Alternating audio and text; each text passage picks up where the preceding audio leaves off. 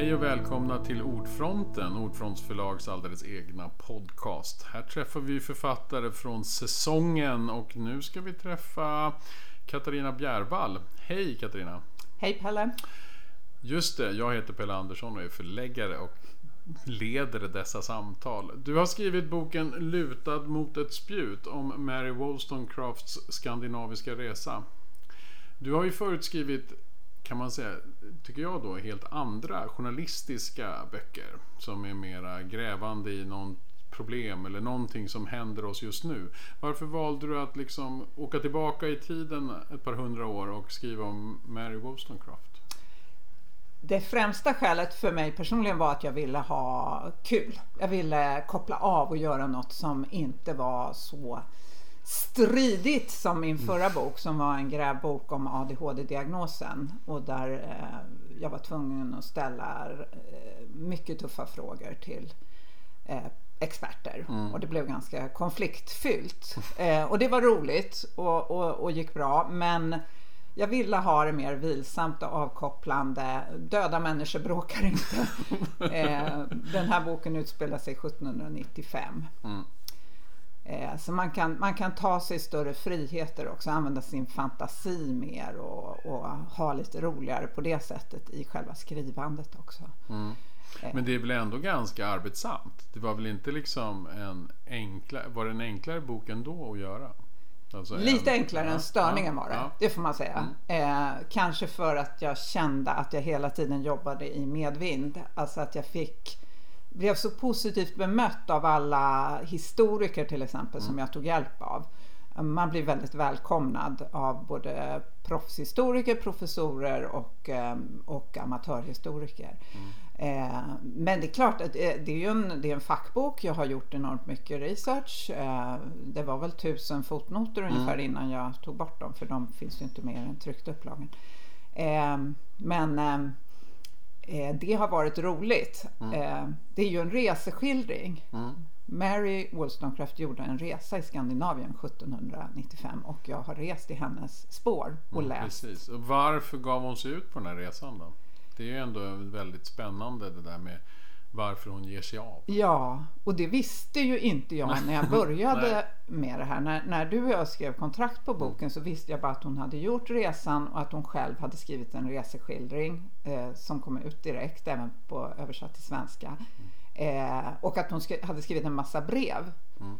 Men jag visste inte varför. Jag trodde att hon hade gjort det för att skriva en reseskildring. Men det fanns ju ett helt annat skäl som en svensk och en norsk historiker har, har kartlagt. Och, och det handlar om att hennes exman får man väl säga, även om de inte formellt var gifta faktiskt, och pappan till hennes dotter som hon hade med sig på resan.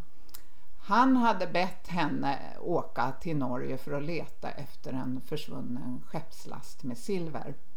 Det är en skattjakt egentligen. Det är det. det, är det. Mm hon hade sagt ja till det, får man nog kalla det på många sätt för ett vansinnesprojekt. Att segla över Nordsjön och sen åka häst och vagn och segelbåt uppåt och, och söka efter den här, det försvunna silvret i, i väldigt oländig terräng, ett primitivt land, mm. eller primitiva länder.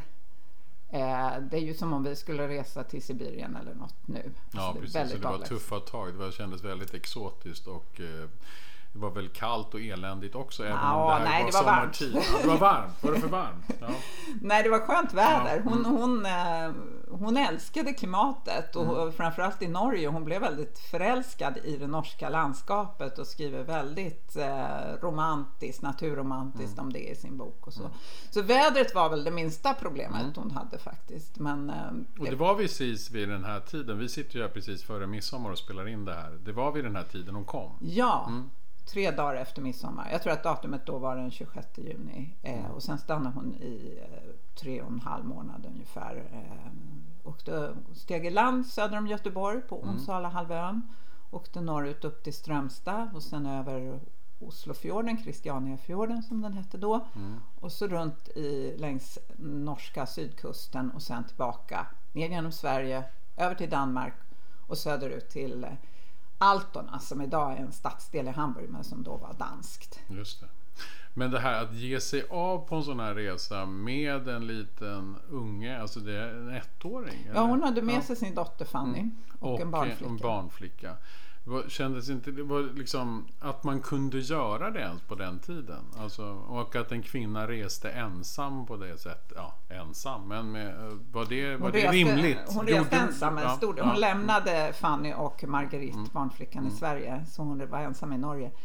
Eh, nej, hon blev ju bemött med stora frågetecken. Mm. Alltså många tyckte att det var jättekonstigt. Mm. Eh, och, och, och, många uppfattade det som att det var väldigt synd om henne. Mm. Eh, och ville ta hand om henne. Och hon fick hela tiden fightas för att få vara i fred. Hon ville ha ensamtid. Hon ville skriva gärna sitta inne på sitt eh, värdshusrum på kvällarna och skriva. Men det kom ju folk och knackade på dörren hela tiden och skulle ta hand om henne och pyssla om henne, både kvinnor och män.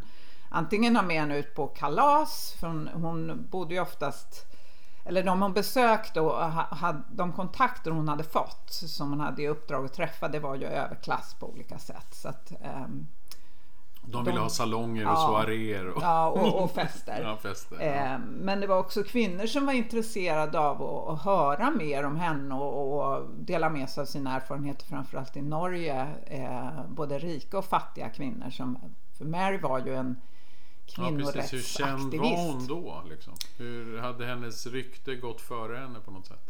Ja, det var väl blandat. Alltså, många visste att hon var en kvinnorättsaktivist. Hon mm. hade skrivit en bok som heter Till försvar för kvinnans rättigheter som hade kommit ut tre år tidigare i England. Eh, och många kunde ju engelska mm. eh, i den här delen av Sverige och Norge mm. eh, längs västkusten därför att det var så mycket handel med England. Mm.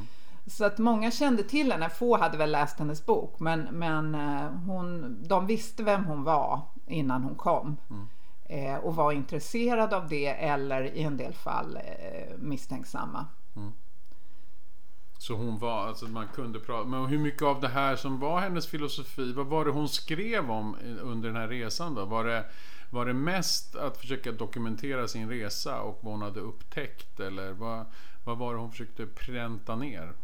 Ja, hon var ju som en upptäcktsresande i det här exotiska landskapet. Mm. Eh, det är, det är nat mycket naturromantik. Alltså det här var ju precis på vägen in i den idéströmning som kallas för romantiken som tar vid ungefär år 1800 och hon, eh, hon var ju en produkt av upplysningen. Alltså hon trodde på förnuftet och predikade förnuft. Men den här boken är genomsyrad av fantasier Mm. Eh, alltså ibland är det oklart var gränsen går. Hon ser älvor och, och, och upplever drömska scener vid, vid flera tillfällen. Och, och eh, det är väldigt fint och väldigt spännande och det inspireras ju av det här landskapet. Alltså de ljusa nätterna klipporna, att det är väldigt ödsligt. Hon använder ordet sublimt för att mm. beskriva det gång på gång. Och mm. Det är väldigt positivt. Eh, men sen är det ju också porträtt av människor hon träffar. Mm. Eh, och då är hon väldigt eh, Ja, hon är helt enkelt väldigt kritisk spots kan man säga mm. mot stora delar av överklassen och deras girighet som hon ser och hur de tjänar pengar. De skor sig på det krig som, som härjar i norra Europa efter franska revolutionen. England och Frankrike har hamnat i krig och England har påbjudit handelsblockad mot revolutionsregimen i Paris. Mm. Eh, och det går att tjäna mycket pengar på smuggling av gods till och från Frankrike. Och det är ju en del av det, som, alltså den här silverlasten som mm. är försvunnen. Det är en del av det här stulna franska ja. silvret. Ja, det är, det är revolutionssilver från adeln eller till och med från kungahuset när man läser boken så man slås ju just av det. Att, att, att Mary är så före sin tid och på väldigt många plan. Eller Vad är det du har mest liksom överraskats av när du har liksom sjunkit ner i Mary Wollstonecrafts filosofier och tankar?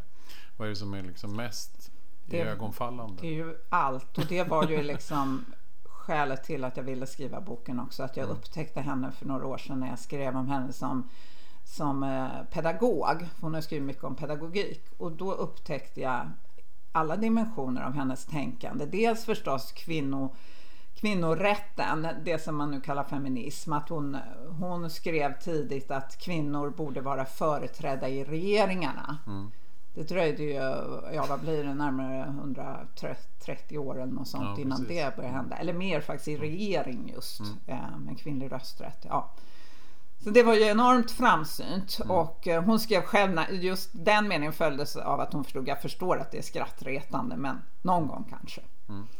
Och hon skrev också att um, kvinnorna ska inte ha herravälde över männen utan över sig själva. Mm. Och det tycker jag är en sån tanke som är viktig idag när kvinnorna gör, alltså dominerar inom nästan alla utbildningar till mm. exempel. Att man, att man uh, håller det i minnet att det liksom är farligt att dra in på något sorts revanschspår och så utan mm. att man måste fortfarande ha Det är jämlikhet vi är ute efter. Ja. Mm, och jämställdhet. jämställdhet. Mm. Eh, men om man, det är ju det hon är känd för. Mm. Det som jag tyckte var minst lika spännande är till exempel hennes syn på eh, straffrätt. Eh, mm. för det är ett spår som hon utforskar under den här resan. Hon, hon besöker till exempel ett fängelse i, i Christiania i Oslo. Eh, hon är särskilt intresserad av en bondeledare som sitter inburad där för att, eh, ja, dömd för att ha eh, hetsat eh, fattig bondebefolkning till uppror. Fast det har han ju inte gjort. Han har protesterat mot korruption, mm. väldigt utbredd korruption bland handelsmännen där längs eh, norska kusten. Och hon menar att han och andra fångar i det här eh, fängelset är mindre skyldiga, mindre kriminella än överklassen, köpmännen i Oslo. Och det är ju också det är ju ett, ett modernt sätt att tänka. Alltså mm. Alltså att, att eh, det är förutsättningarna, människors förutsättningar som kan leda till det som då mm. eh, definieras som kriminalitet när det bara kan handla om kamp för rättvisa mm. som det var i det här fallet. Varför tror du att det var liksom att det här, hon har ju, verkar ju ha också en sån otrolig nyfikenhet och söker hela tiden efter nyheter och vill veta saker och är väldigt vetgirig. Mm. Men varför tror du att det blev så att det var just hon som blev Eller var, var kom det ifrån? Har, har du någon aning om det? Eller är det bara liksom lyckliga omständigheter? Var kommer sånt ifrån? Ja. Alltså, arv eller miljö eller slump. Mm. Hon är uppväxt i eh, ett dysfunktionellt medelklasshem mm. får man väl säga. Hennes pappa hade ärvt någon sorts eh, eh, manufaktur för tygproduktion. Mm. textil i London men han söp bort stora delar av den verksamheten och pengarna och de flyttade ofta till sämre och sämre lägen. Han, han drömde om att, driva lantbruk men han var liksom inte så kompetent på det så familjens eh, förutsättningar försämrades år efter år.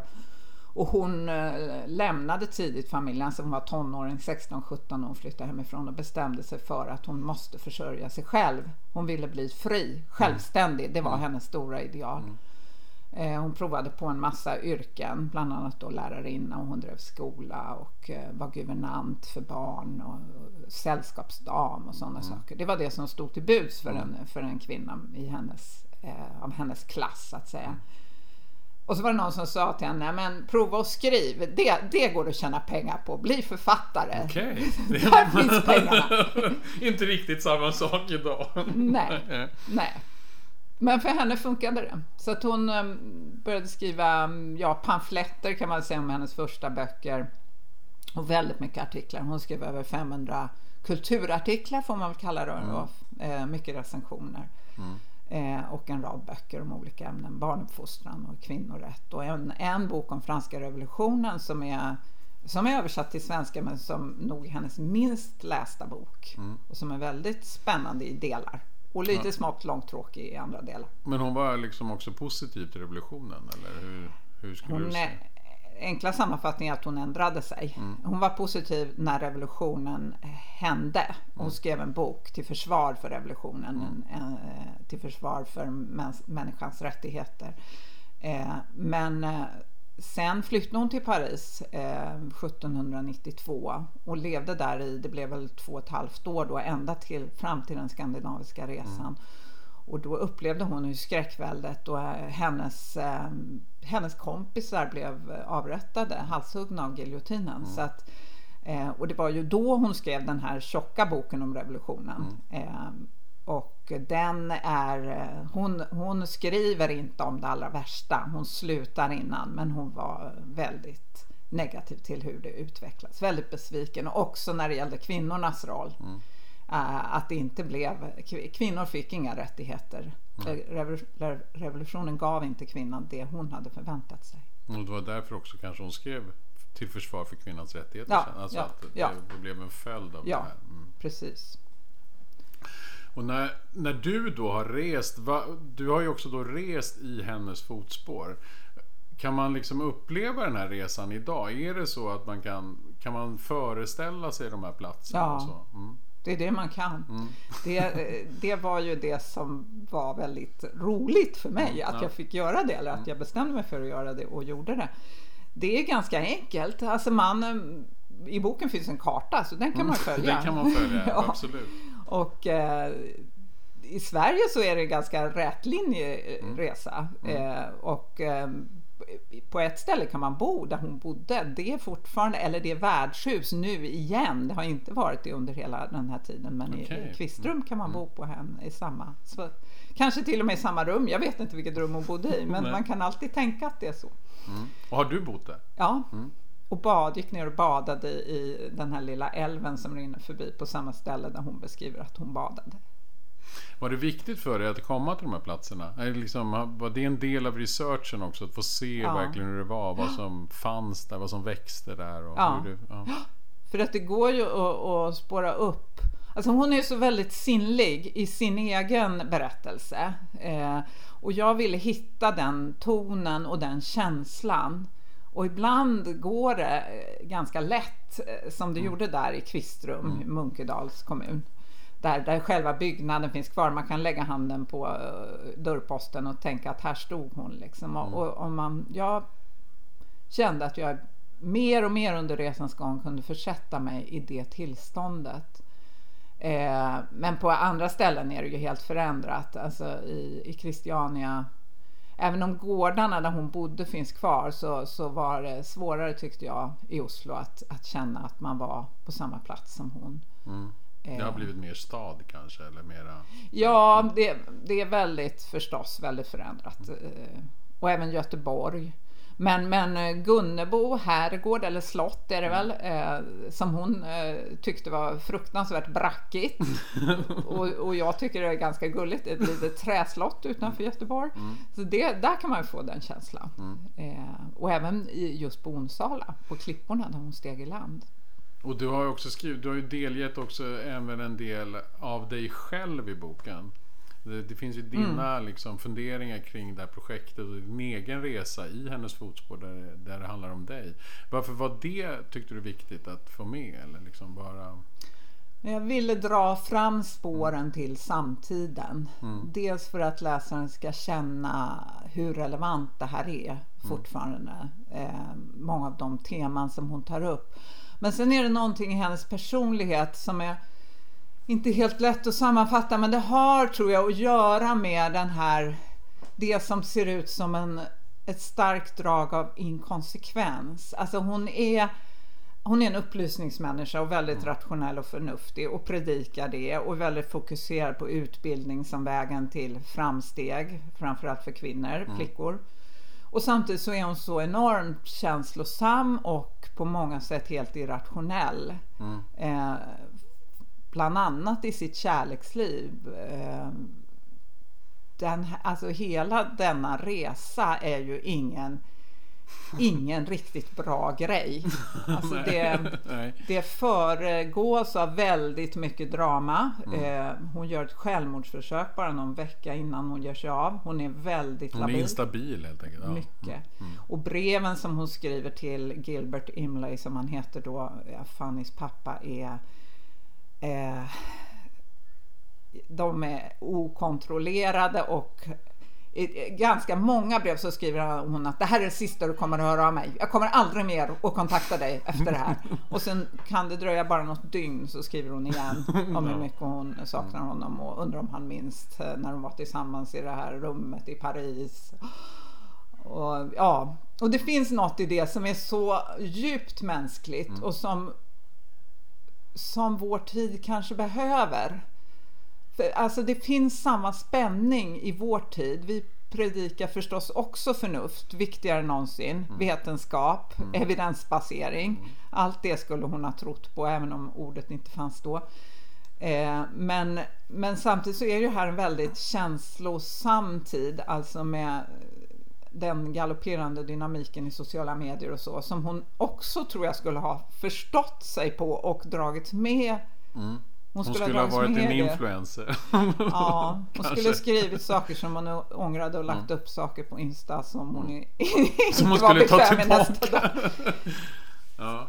Så att det finns något i det som, som jag tror att, som jag men också många andra tror jag kan känna igen sig i och som är värt att utforska. Att en, mm. sån, alltså en sån klok människa, en sån förebild kan också ha den här sidan som mm. inte är så sund egentligen. Nej, hon känns ibland också som ett där brushuvud eller känslomässigt. Hon gör saker bara ja. och så ja. råkar det leda till något. Och så. Ja, mm. och ofta leder det till bra saker. Ja, alltså absolut. summan av den här resan är ju mm. fantastisk. Mm. För boken som hon skrev anses vara hennes bästa och den ledde ju också det blev bra konsekvenser av den ändå på många sätt därför att hon eh, träffade en ny man, mm. eh, William Goodwin, en filosof. Nej, uh, Shelley. Nej, nej nu rör vi ihop det här. Ja, det är hennes dotter ja, det är hennes snart. Dotter. Ja, det, ja, det är nästa led. Ja. Så det händer ju, är ju också på sätt och vis, mm. eh, kan man tycka. Det, Goodwin, det var jag som Goodwin blev så småningom pappa till mm. den lilla flicka som blev Mary Shelley och mm. som skrev precis. Frankenstein. Mm. Eh. Precis. Men först en sak bara, för det är också så i boken att du är ju väldigt mån, du har ju alltid varit väldigt mån om att just det här med researchen, att du kollar och du säger själv det här med tusen fotnötter. Du har haft mycket källhänvisningar och koll i dina tidigare böcker. Du är väldigt noga med sanningen. Mm. Och i Lutad mot ett spjut har du dig ändå lite friheter att liksom också fantisera och hitta på. Mm. Och hur känns det då? Är det någonting som du har haft problem med eller bara, är det roligt bara att få fantisera? Men hur alltså, hanterar du det? Ja. Det är lätt. Ja. Jag har haft väldigt lätt för det. Jag har ju skrivit en roman också för mm. länge sedan. Så att jag har ett, äh, en fantasi som kan dra igång. Mm. Men det var väl den, den största kampen ändå under arbetet med den här boken. För att jag har också ett överjag som säger att man måste ha belägg. Mm. Detta är en fackbok. Jag ska mm. presentera sanningen om hennes resa. Det mm. måste finnas belägg. Och då jagade jag belägg och, och det, då finns det ju inte alltid. Eh, men det finns, till, det finns ju inga foton men det finns målningar på mm. personer och på mm. hus och byggnader och utsikter som hon har beskrivit och man kan, man kan hitta belägg för det eh, på det sättet. Och i brev förstås mm. och inte bara hennes brev utan andras brev också. Mm. Eh, men sen når man ju en gräns där man inte kommer längre och då handlar det ju om någon sorts hederlighet. Att man, att man eh, dels redovisar att det finns en osäkerhet. Det här är troligen, antagligen, förmodligen. Och mm, så. Precis, man får lite brasklappar. Ja. Mm. Men också att man inte, inte hårdvinklar av spekulativa skäl. Eh, för det har gjorts en mm. del kring hennes liv. Mm. Alltså det finns en dynamik som kan locka till övertolkningar också. Mm. Eh, och det har jag avstått från. Utan det är det mest sannolika. Och eh, efter att ha läst Ja, men jag har läst allt hon har skrivit och väldigt mycket annat kring mm. henne. Så, så tror jag att jag kan säga att jag har kunnat göra den värderingen av vad som är mest sannolikt. Och du har fått mycket, eller mycket, men du har fått en del hjälp också. För det finns mycket också lokalhistoriker då, eller hur? Ja, du, som längs, du är så förtjust i. ja. Nej, men längs hela den här resan så träffade jag, jag såg till att träffa på varje plats jag kom mm. till eh, någon sån här eh, lokalhistoriker, mm. hembygdsföreningens ordförande mm. eller liknande. Och det var ju väldigt roligt att få personliga guider. De finns överallt helt enkelt. De finns överallt, man kan inte tro det, men de kommer fram när man börjar, när man kontaktar dem. Och i många fall kände de ju till att Mary Wollstonecraft hade varit där. Ja. Jag tror kanske i alla fall att de visste det, men de visste ganska lite om eh, varför och så. Mm. Så att vi utforskade det tillsammans. Och det Ni var kunde hjälpa oss åt? Ja, jätte, jätteroligt. Och allt det här hon har skrivit, alltså väldigt mycket, eller inte väldigt mycket, men det finns liksom översatt så man kan också läsa även, eller hur? Den här, eh, hennes egen reseskildring mm. kommer också snart på Den svenska. kommer ut nu i slutet på sommaren i nyöversättning av Elisabeth Mansén. Mm. Och hur mycket känner du att den berättelsen och din berättelse krokar de i varandra på något sätt? Eller hur har du förhållit dig till hennes egen reseberättelse? De krokar ju i varandra, mm. Eh, men de är väldigt olika mm. eftersom hela det här spåret med silverskatten och hennes kärlekshistoria, det finns ju ingenting av det i hennes egen reseberättelse. Det, det valde hon bort. Liksom. Ja, mm. det är bortcensurerat. Och just den här fördjupningen, spåren till samtiden, det finns ju förstås Nej. inte heller. Att, eh, hur motiverar hon själv då sin resa i sin egen reseberättelse? Var det bara en upptäcktsresa sådär i största allmänhet? Eller hur, hur, hur motiverar hon själv att hon gav sig ut på den? Kommer du ihåg det? Nej, jag tror inte hon har skrivit det. Nej, eh, det är rakt på. Det, man kan nästan beskriva det som där. reportage. Alltså, mm. Det är någon typ av reportage, 25 stycken resereportage i en serie. Mm. Eh, och hon, eh, som jag minns det så förklarar hon inte varför hon är där. Nej. Men hur, hur beskriver hon då mötet med människorna och med platsen? Är hon Trivs hon här ändå? Eller liksom, du sa att hon, vissa människor tycker hon inte så bra om eller hon kritiserar överklassen och ja. sådär. Men är, är hon ändå, tycker hon om att vara i Skandinavien? Eller? Det miljön. går väldigt upp och ner. Mm. Eh, hon trivs bäst i Norge. Mm. Eh, I Sverige är hon ganska negativ och det beror mycket på att hon hamnar i sällskap av eh, överklass köpmannaelit som hon inte gillar. Nej. Hon gillar inte deras ideal och deras livsstil. Nej. Hon tycker att de ägnar sig åt frosseri mm. och det är hon väldigt föraktfull mot. I Norge så bor hon ju, lyckas hon ju freda sig mer. Hon stannar länge i, i Tönsberg över mm. tre veckor. Det är inte planerat men det blir så. Och där vandrar hon och rider och badar och lever någon sorts eh, sånt friluftsliv mm. som hon som gör henne väldigt gott och mm. hon mår väldigt bra. Och hon mm. skriver om det också i de här breven till Gilbert Imlay då att mm. nu mår jag bra och känner mig frisk och återställd och så. Mm. Eh, men sen ha, ha, halkar hon ju ner i en dipp igen och blir väldigt svartsynt och eh, ja, det mörknar kan man säga under resans gång. Mm. När hon tar sig liksom runt, för hon kommer ju liksom till Onsala. Mm, det är där hon stiger, där hon stiger i land. men sen åker hon både norrut och söderut. Ja. Och hon, ja. Meningen är ju att hon ska stiga i land eh, på norska kusten mm. i, i Arendal. För det är där man tror att skatten ja. finns eller ja, silvret det, finns. Vindarna blåser henne till eh, Onsala. Mm. Och varför hamnar hon till slut ända nere i, liksom i Altona och Hamburg?